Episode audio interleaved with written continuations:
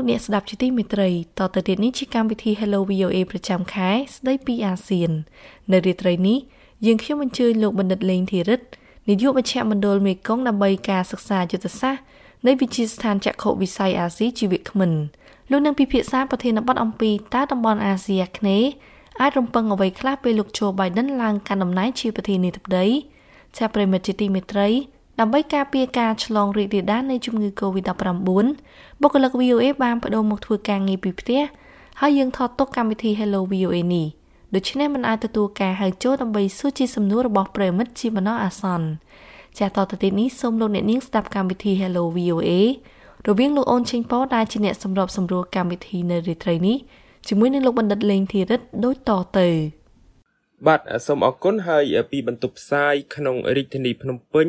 ខ្ញុំបាទអូនឆេងប៉សូមគោរពជំរាបសួរប្រិយមិត្តមនស្សស្ដាប់វិទ្យុសំឡេងសហរដ្ឋអាមេរិកផ្នែកខេមរៈភាសាជាទីគោរពរាប់អាន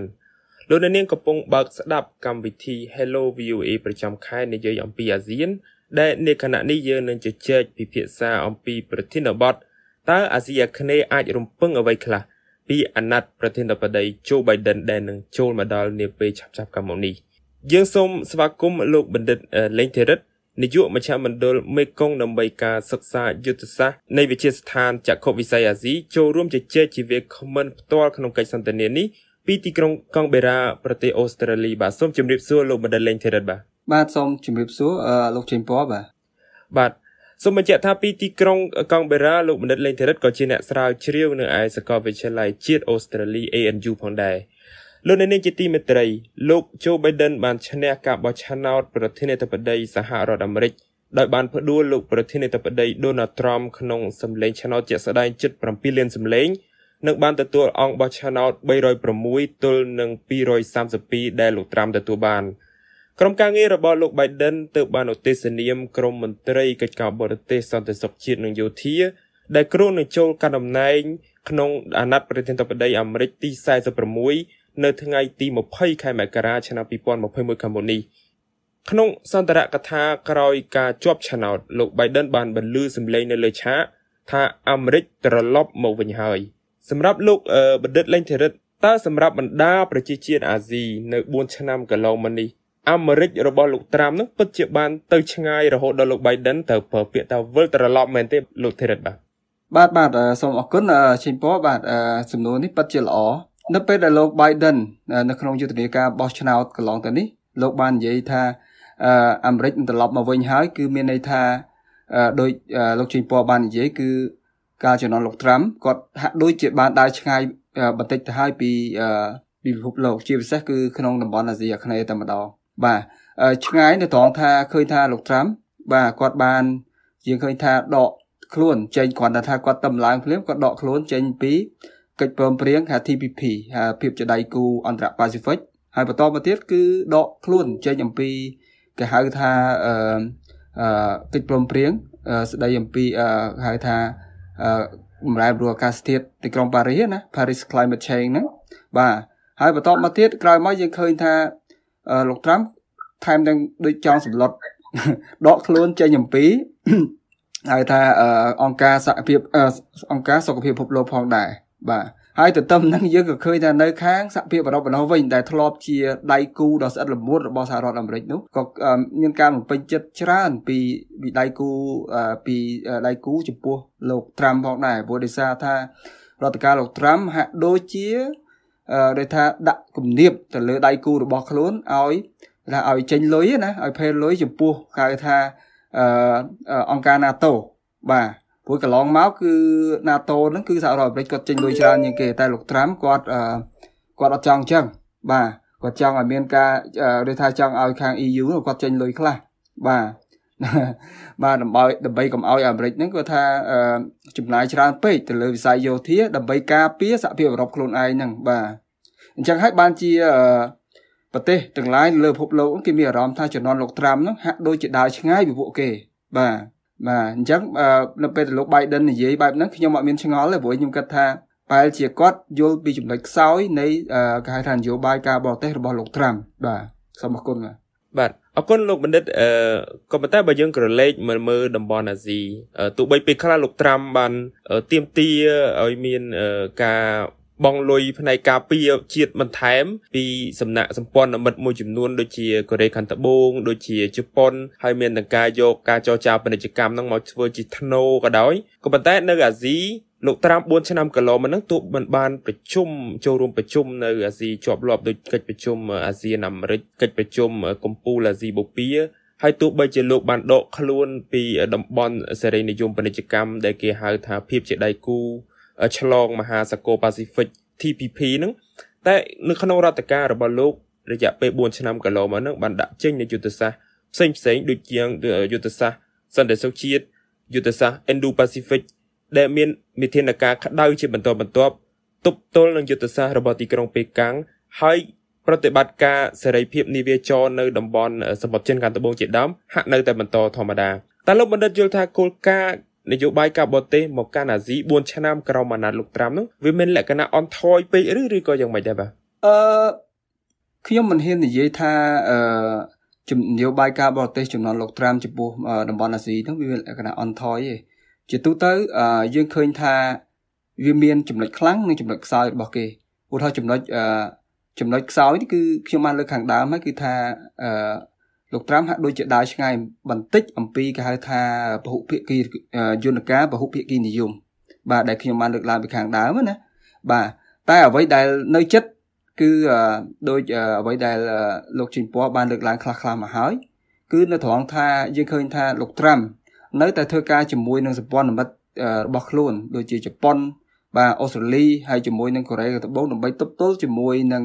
គេហៅថាអធិបុលរបស់ចិននៅក្នុងតំបន់អាស៊ី ជាពិសេសអាស៊ីប៉ាស៊ីហ្វិកតែម្ដងបាទដូច្នេះអាកន្លែងហ្នឹង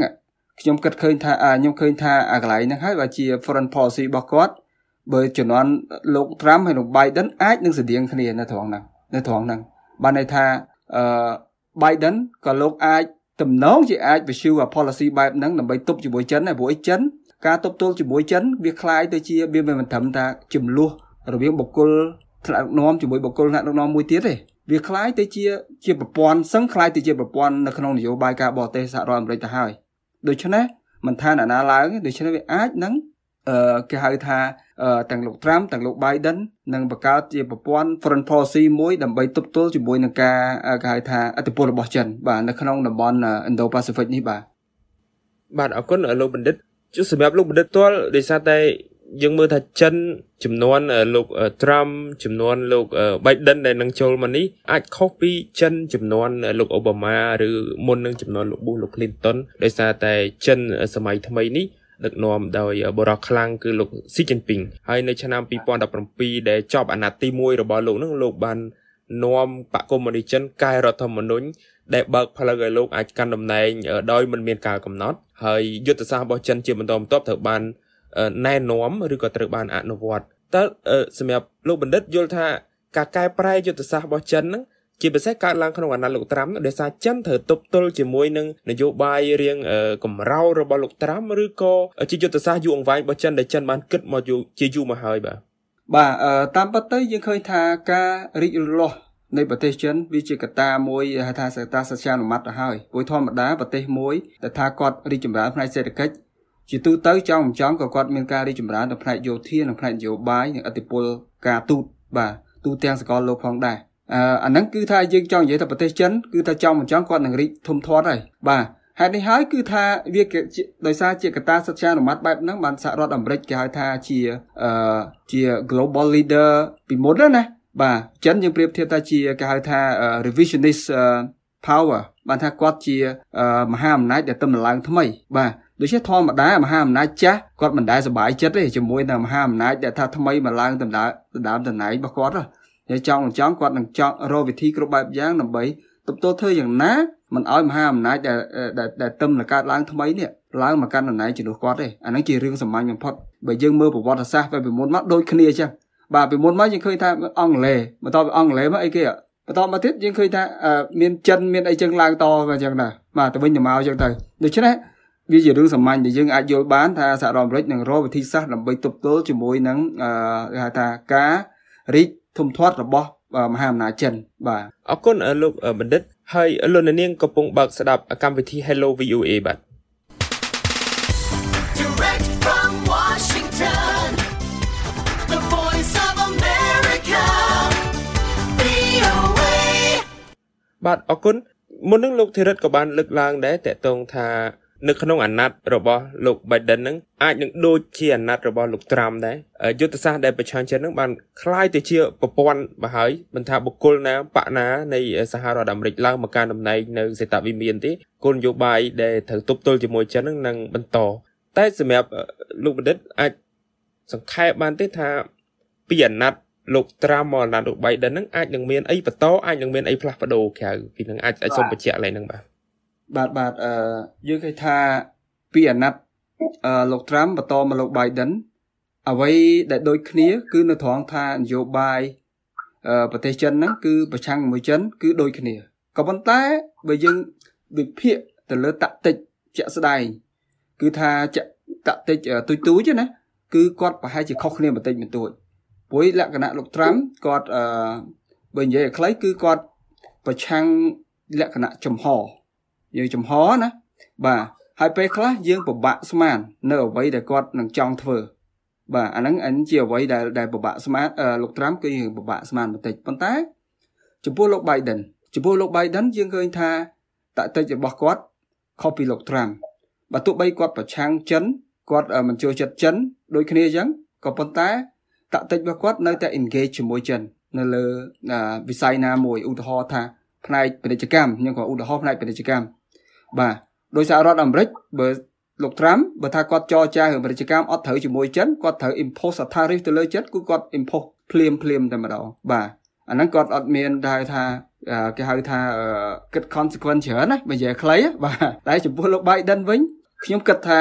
លោក Biden នឹងមានការកណនាជាង បាទមានការកណនាឧទាហរណ៍ថាគាត់ចរចាពាណិជ្ជកម្មជាមួយនឹងចិនបើសិនជាកងករណីចិនមិនយល់ព្រមឬមួយក៏អីគាត់នឹងមានតាក់ទិចមួយនៅក្នុងការ បញ្ចុះបញ្ចូលឬមួយ engage ជាមួយនឹងចិនបាទដើម្បីឲ្យចិនហ្នឹងយល់ព្រមជាមួយសហរដ្ឋអាមេរិកសំណើរបស់សហរដ្ឋអាមេរិកទៅលើពាណិជ្ជកម្មអាហ្នឹងគ្រាន់តែជាឧទាហរណ៍ព្រោះថាហេតុអីបានជាគាត់ adopt អាតាក់ទិចបែបហ្នឹងព្រោះយើងឃើញថាដៃគូពីរហ្នឹងយើងមើលទាំងសហរដ្ឋអាមេរិកទាំងចិនបើទោះបីជាគាត់ជាគេហៅថាជាដៃគូប្រជែងដ៏ស្រួចស្រាលក៏ប៉ុន្តែក៏ប៉ុន្តែសេដ្ឋកិច្ចរបស់ពីរអ្នកហ្នឹងគាត់ហ្នឹងគឺគាត់ពឹងផ្អែកគ្នាខ្លាំងមែនទែនបាទ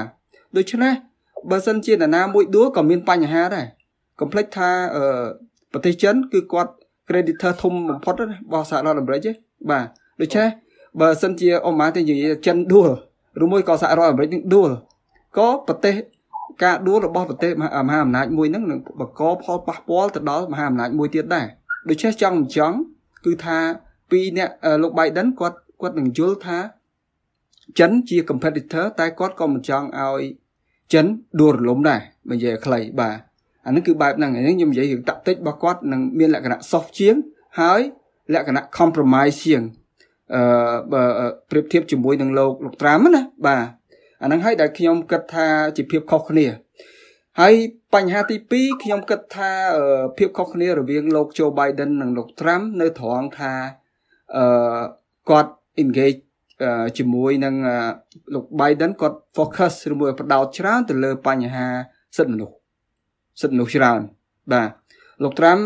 គាត់មិនសូវជា focus ច្រើននៅរឿងហ្នឹងប្រហែលទេបាទបើទោះបីជាពេលខ្លះគាត់និយាយពីបញ្ហាសិទ្ធិមនុស្សក៏ពិតមែនក៏ប៉ុន្តែ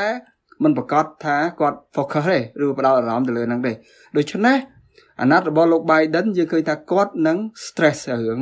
បញ្ហាសិទ្ធិមនុស្សឧទាហរណ៍បញ្ហាស៊ីនជៀងឬមួយបញ្ហាហុងកុងគាត់នឹងដាក់ សម្ពាធទៅលើចិនច្រើនរឿងហ្នឹងខ្ញុំគិតអាហ្នឹងតាមតាមការគិតរបស់ខ្ញុំណាបាទប៉ុន្តែអាការពិតជាក់ស្ដែងតើថាគាត់ឡើងកាន់តំណែងសិនបានយើងដឹងថាវាយ៉ាងម៉េចបាទបាទអានេះគឺជាភាពខុសគ្នារវាង foreign policy មួយនយោបាយការបរទេសរបស់រដ្ឋការលោក Trump ហើយជាមួយនឹងលោក Joe Biden បាទសូមអរគុណបាទអរគុណលោកបណ្ឌិតចុះបើមើលទៅលើតំបន់អាស៊ីអាគ្នេយ៍យ៉ាងវិញមានសំណុំរឿងជាច្រើនដែលសឹងថា អាមេរិកមិននៅតំបន់នេះទេប៉ុន្តែគាត់ហាក់ដូចជាមានការពាក់ព័ន្ធច្រើនយើងមើលតាំងពីសំណុំរឿងសមុទ្រចិនខណ្ឌត្បូងយើងមើលតាំងពីសំណុំរឿងនៅតំបន់មេគង្គនិងតំបន់ពាណិជ្ជកម្មអីនៅក្នុងតំបន់អាស៊ីអាគ្នេយ៍ជាដើមហ្នឹងជាការប្រមាលមើលរបស់លោកតើឥទ្ធិពលយុទ្ធសាស្ត្រនិងគោលនយោបាយការបរទេសរបស់ ក្រុមលោក Biden ហ្នឹងអាចនឹងប៉ះពាល់លក្ខណៈដល់សំណុំរឿងរសើបទាំងនេះរួមមានអឺសម្បត្តិចិនខាងត្បូងដូចមានតំបន់មេគង្គដូចមានបញ្ហានៃចម្លាស់ពាណិជ្ជកម្មនៅក្នុងតំបន់អ្វីជាដើមហ្នឹងអាចប៉ះពាល់លក្ខណៈដល់ចំនួនហើយនឹងសំណុំរឿងទាំងអស់នេះបាទលោកបណ្ឌិតបាទចំពោះខ្ញុំខ្ញុំគិតថាខ្ញុំខ្ញុំខ្ញុំមានកំណត់វិជ្ជមានចំពោះគេហៅថានយោបាយការបរទេសរបស់លោក Biden ណាណាបាទ ខ្ញុំគិតថានៅពេលដែលលោកកាន់ឡើងកាន់តំណែងជាប្រធានាធិបតីរបស់សហរដ្ឋអាមេរិកក្នុងពេលឆាប់ឆាប់ខាងមុខនេះតំបន់អាស៊ីអាគ្នេយ៍របស់យើងបើទោះបីជាយើងដូចលោកឆេងពណ៌បានលើកឡើងយើងយើងមានជួបបញ្ហា នៅបញ្ហាសមុទ្រចិនខាងត្បូងបាទយើងជួបនៅបញ្ហាឧទាហរណ៍ថាតំបន់មេគង្គជាដើមការតានតឹងការប្រើប្រាស់ទឹកនៅក្នុងតំបន់មេគង្គបាទហើយបញ្ហាសិទ្ធិមនុស្សមួយចំនួនក៏ប៉ុន្តែខ្ញុំគិតថាលោក Biden នឹងមានវិធីសាស្ត្រគេហៅថាតភ្ជាប់ឬមួយក៏ចរចាมันក៏លុបនឹងមិនដាក់សម្ពាធខ្លាំងទៅលើបណ្ដាប្រទេសអាស៊ីអាគ្នេយ៍ឲ្យទៅថាធ្វើម៉េចទៅធ្វើតាមធ្វើតាមគោលការណ៍របស់សហរដ្ឋអាមេរិកណាបើថាគាត់ flexible ធ្វើបើតែគាត់បញ្ចូលចិត្តចិនបាទគាត់ចង់ check ទៅលើចិនបញ្ហាសម្បត្តិចិនខាងត្បូងឬមួយក៏នៅក្នុងតំបន់មេគង្គរបស់យើងនឹងក៏ដោយក៏គាត់មានលក្ខណៈមួយគេហៅថាទុនភ្លុនជាងលោកត្រាំបន្តិចបាទ ទុនភ្លុនខ្ញុំគិតថាព្រួយបើយើងអឺយើងគិតទៅលើគេហៅថាអឺសមាសភាពដែលគាត់អញ្ជើញចូលរួមធ្វើនៅក្នុងអា cabinet របស់គាត់យើងឃើញថាអ្នកទាំងនោះសិតតែ expert ទៅលើអារឿង front policy អញ្ចឹងគាត់ដឹងច្រើនណាក្នុងក្នុងវិធីសាស្ត្រក្នុងការ engage ជាមួយនឹងតំបន់អាស៊ីអាគ្នេយ៍របស់យើងក៏ដូចជាតំបន់មេគង្គដូច្នេះការ engage ជាមួយតំបន់អាស៊ីអាគ្នេយ៍ក៏ដូចជាតំបន់មេគង្គយើងមិនអាចចេះតែបទូប្រទេស យើងមិនអាចចេះតែដាក់សម្ពាធទៅលើគេបាទបានទេព្រោះការដាក់សម្ពាធទៅលើគេយើងឃើញថាតំបន់អាស៊ីអាគ្នេយ៍មានថាអង្គខ្លះគាត់អត់ពេញចិត្តទេដោយលោកត្រាំលោកត្រាំឧទាហរណ៍ណាដែលលោកអឺអឺប្រធានាធិបតីហ្វីលីពីនប្រហែលដងគាត់ឃើញគាត់បាទគាត់ខឹងហើយគាត់មានការរិះគន់លោកត្រាំហ្នឹងគឺគាត់អត់ពេញចិត្តសហរដ្ឋអាមេរិកវិញប្រហែលទេបាទអាហ្នឹងអត់តនិយាយចំពោះថ្នាក់ដឹកនាំមួយចំនួនទៀតដែលគាត់មិននិយាយតែគេមិនសប្បាយចិត្តប្រហែលទេចំពោះថាការដាក់សម្ពាធបាទ នៅក្នុងតំបន់មេគង្គដូចគ្នាអញ្ចឹងបាទថ្មីបិទតាលោកត្រាំគាត់ថាគាត់ engage ច្រើនក្នុងតំបន់មេគង្គគាត់គោរពគាត់និយាយថាគាត់នឹងគោរពសិទ្ធិសេរីភាពស្វ័យភាពរបស់បណ្ដាប្រទេសមេគង្គក៏ប៉ុន្តែភាពជាក់ស្ដែងយើងឃើញថាអឺរដ្ឋការរបស់លោកត្រាំហាក់ដូចជាដាក់សម្ពាធទៅលើបណ្ដាប្រទេសមេគង្គជាពិសេសប្រទេសដែលថាមិនមិនមិនមិនគេហៅថាមិនចូលដែលថាមិន មិនមានតំណែងតំណងល្អជាមួយសហរដ្ឋអាមេរិកទេណាឬមួយក៏មានតំណែងតំណងជិតស្និទ្ធជាមួយប្រទេសចិនគឺគាត់មិនសូវជាពេញចិត្តប្រមាណទេបាទដូច្នេះអាកន្លែងហ្នឹងបានជាបណ្ដាប្រទេសមេគង្គមួយចំនួនគាត់ក៏មិនសប្បាយចិត្តដែរចំពោះសហរដ្ឋអាមេរិកបាទព្រោះដោយសារតែគាត់រងនៅសម្ពាធបាទរងនៅសម្ពាធក្នុងការឲ្យរើសគេថារើសឈូសសាយបាទដូច្នេះហើយបើខ្ញុំគិតថាចំនួនលោក Biden លោក Biden គឺគាត់នឹងមានគេហៅថាវិធីសាស្ត្រ តាក់ទិកនយោបាយការបរទេសថ្មីមួយដែលមានលក្ខណៈទន់ភ្លន់ជាង បាទដោយសារតែគាត់មានគេហៅថាក្រមការងាររបស់គាត់ណាក្រមការងារដែលមានជំនាញពិតប្រាកដខាង foreign policy របស់គាត់ហ្នឹងដើម្បី engage ជាមួយនឹងតំបន់អាស៊ីអាគ្នេយ៍ក៏ដូចជាតំបន់មេគង្គឲ្យមានលក្ខណៈគេហៅថាស្ថាបនាជាង ជាងរដ្ឋការរបស់លោកលោកត្រាំបាទអរគុណលោកលេងធីរិតហើយលោកអ្នកនាងកំពុងបើកស្ដាប់កម្មវិធី Hello VOA បាទ Voice of America. VOA. លោកបណ្ឌិតអឺតកតងបញ្ហានឹងដែរលោកបានលើកឡើងតកតងថាប្រទេសមួយចំនួននៅក្នុងតំបន់ហ្នឹងក៏មិនពេញចិត្តសហរដ្ឋអាមេរិកដែរនៅក្នុងសំណុំរឿងទាំងអស់នេះជាពិសេសនៅពេលដែលសហរដ្ឋអាមេរិកដាក់សម្ពាធទៅលើបញ្ហាដែលថាឲ្យរើសរវាងអាមេរិកនិងចិននេះជាដើម ប៉ុន្តែសម្រាប់ក្រុមលោក Biden ដែលលោកបណ្ឌិតលើកឡើងថាអាចនឹងមានការបដោតច្រើនជាងមុនទៅលើបញ្ហាសិទ្ធិមនុស្សប្រជាធិបតេយ្យអាណត្តិប្រធានាធិបតីរបស់គាត់នឹងអាចមានការប៉ះពាល់លេខខ្លះដែរដល់នយោបាយក្នុងស្រុកបណ្ដាប្រទេសនៅតំបន់អាស៊ីអាគ្នេយ៍មួយចំនួន នៅក្នុងអាណត្តិដែល4ឆ្នាំទៅមុខនឹងប្រទេសហ្វីលីពីនក៏អាចនឹងមានការបោះឆ្នោតកម្ពុជាក៏អាចនឹងមានការបោះឆ្នោតប្រទេសថៃខ្លួនឯងនឹងកំពុងជួបនៅការ បះបោខ្លាំងនៅក្នុងទីក្រុងតែម្ដងប្រឆាំងនឹងរបបប្រជានិយមឲ្យរបបប្រជានិយមមានការកែប្រែអ្វីជាដើមអានេះយើងមិនទាន់និយាយអំពីសំណុំរឿងដ៏ស្មុគស្មាញនៅប្រទេសដូចនៅមីយ៉ាន់ម៉ាហើយយើងមិនទាន់និយាយដល់នយោបាយរដ្ឋបတ်នៅទីក្រុងវៀងច័ន្ទនិងទីក្រុងហាណូយផងសម្រាប់លោកបណ្ឌិតយល់ថាអាណត្តិប្រចាំដីលោក Biden នឹងអាចមានការប៉ះពាល់អីខ្លះដល់នយោបាយក្នុងស្រុកប្រទេសនានានៅក្នុងតំបន់អាស៊ីនេះយើងអាច អ្នកថ្នាក់ដឹកនាំប្រទេសមួយមួយអាចនឹងមានការពិបាកអង្គុយឲ្យបានស្រួលកៅអីទេក្នុងរយៈពេល4ឆ្នាំទៅមុខបាទ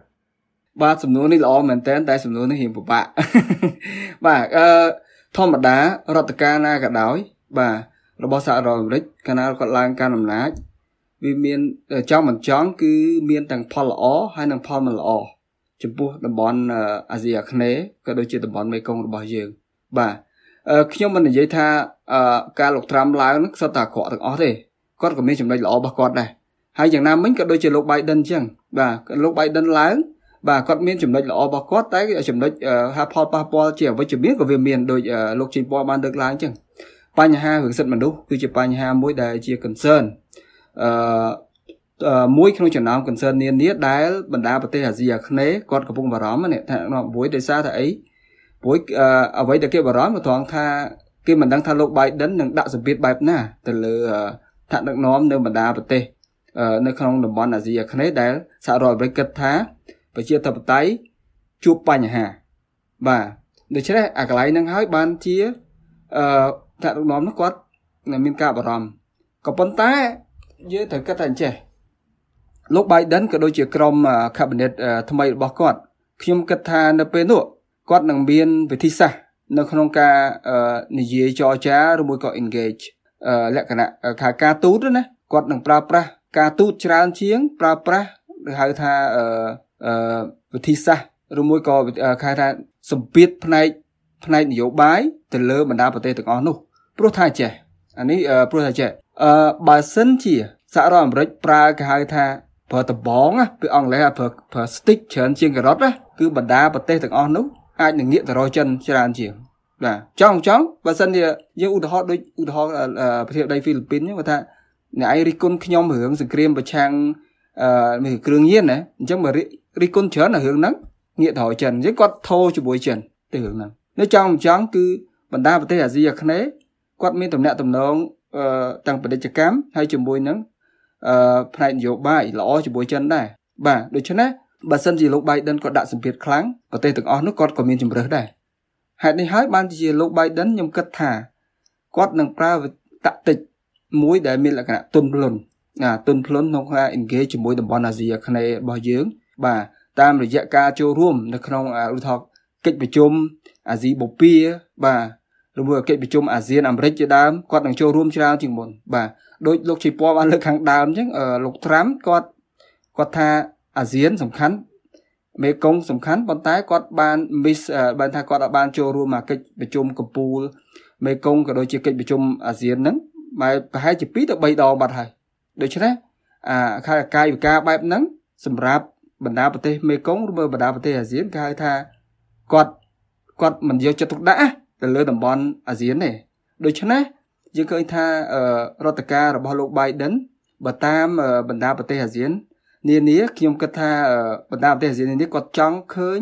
លោក Biden ហ្នឹង engage ច្រើនជាមួយនឹងបណ្ដាប្រទេសរបស់គាត់បើទោះបីជាមានបញ្ហាខ្លះខ្លះឬបញ្ហាសិទ្ធិមនុស្សក៏ខ្ញុំគិតថាគាត់នឹង engage តាមរយៈកិច្ចប្រជុំនានាហ្នឹងហើយគាត់ក៏រិះគន់រិះគន់មានលក្ខណៈមួយគេហៅថាស្រាលស្រាលមិនវាយខ្លាំងចំចំចាក់ចំចំនិយាយខ្លីបាទដូចលោកត្រាំអីជាដើមទេបាទបាទសូមអរគុណ អរគុណលោកបណ្ឌិតក្នុងន័យហ្នឹងខ្ញុំចាប់បានលោកបណ្ឌិតជជែករឿងលោកបានជជែកជាច្រើនដងរឿងថាលោក Biden អាចនឹងទុនភ្លុនជាងមុនក្នុងការទំនាក់ទំនងប្រស្រ័យតាក់ទងជាមួយចិនអាចនឹងទុនភ្លុនជាមុនជាមួយនឹងសំណុំរឿងសិទ្ធិមនុស្សប្រជាធិបតេយ្យជាមួយបណ្ដាប្រទេសនៅអាស៊ីអាគ្នេយ៍ប៉ុន្តែនៅពេលដែលយើងនិយាយថាទុនភ្លុនហ្នឹងអាចនឹងមានប្រសិទ្ធភាពជាងនយោបាយដែលរៀងកំរោលរបស់លោកត្រាំឬក៏យ៉ាងម៉េចដែរបាទបាទអឺដូចខ្ញុំ បានលើកខាងដើមគាត់ថាបើទុនភ្លុនខ្ញុំគិតថាអាចមានប្រសិទ្ធភាពជាងព្រោះសហរដ្ឋអាមេរិកបាទគាត់ចង់ចង់មិនចង់គាត់ចង់មានឥទ្ធិពលទៅលើតំបន់អាស៊ីអាគ្នេយ៍ដូច្នេះបើសិនជាគាត់ដាក់សម្ពាធខ្លាំងទៅលើបណ្ដាប្រទេសអាស៊ីអាគ្នេយ៍ហ្នឹងដើម្បីឲ្យងាកមកខាងគាត់ទាំងអស់អាហ្នឹងចង់មិនចង់គេគេមិនសប្បាយចិត្តគេនឹងងាកទៅរកដៃបែរថាទៅរកអា competitor រើចិនហើយចង់មិនចង់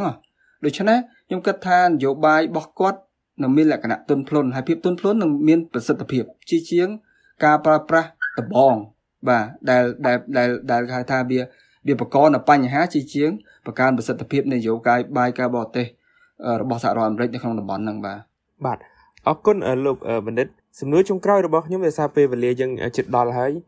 យើងក៏លេចមើលលោក Biden ទាំងសាវតារបស់គាត់ជាអនុប្រធានាធិបតីរបស់លោក Obama ហើយបើយើងក្រឡេកទៅមើលសមាជិកភាព ក្រមការងារនៃសមាជិកគណៈរដ្ឋមន្ត្រីក្រមរដ្ឋបាលគាត់ថ្មីហ្នឹងភាគច្រើនលើលោកមានអតីតភាពជាមួយរដ្ឋកាលអូបាម៉ាសម្ដីសម្ដៅគោលនយោបាយដែលយើងជជែកកន្លងមកហ្នឹងក៏ស្តៀងនឹងដំណើរឆ្ពោះមករកតំបន់អាស៊ីរបស់លោកអូបាម៉ាកាលពី10ឆ្នាំមុនដែលយើងនៅចាំយើងហៅថា Asia Pivot ហ្នឹងអញ្ចឹងសំណួររបស់ខ្ញុំចុងក្រោយចង់សួរលោកបណ្ឌិតថាតើនេះជាអាណត្តិទី3របស់លោកអូបាម៉ាឬក៏យ៉ាងម៉េចដែរបាទបាទអឺសំណួរនេះគួរឲ្យចាប់អារម្មណ៍មែនតើ ខ្ញុំគិតថាយើងអាចនិយាយបានថាលោក Biden ចំនួនចំនួនលោក Biden នេះអាចជាលោក Biden នឹង pursue ឬមួយក៏អនុវត្តនយោបាយការបរទេសមួយស្តៀងនឹងលោក Obama ដែលដែលលោកចេញពណ៌បានឲ្យប្រសិទ្ធនាមណាថាគេហៅថា pivot to Asia ហ្នឹងបាទខ្ញុំគិតថាគាត់នឹងចាប់ផ្ដើមអឺនឹងអនុវត្តនយោបាយការបរទេសស្តៀងគ្នានឹងលោក Obama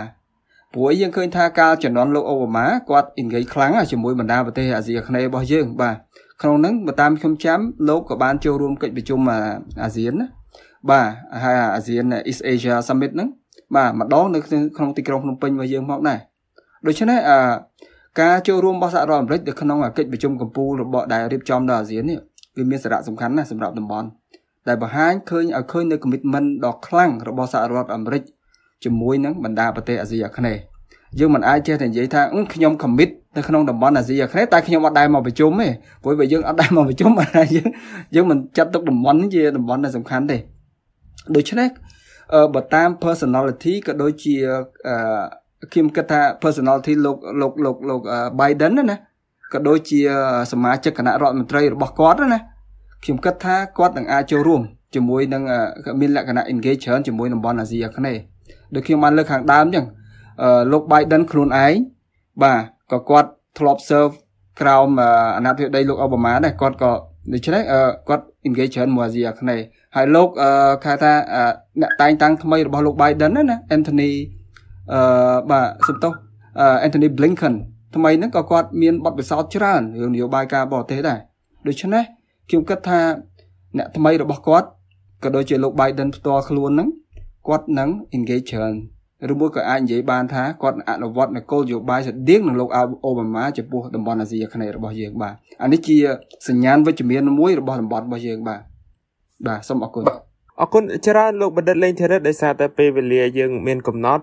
ខ្ញុំសូមអរគុណលោកលេងធីរិតមែនតើដែលបានផ្ដល់នៅការវិភាគនិងការចែករំលែកនៅការយល់ឃើញរបស់លោកអំពីអាណត្តិលោកប្រធានាធិបតី Joe Biden ដែលនឹងចូលមកដល់ នៅក្នុងខែ1ឆ្នាំ2021ខាងមុខនេះបាទបាទសូមអរគុណលោកជិមពណ៌បាទអរគុណបាទ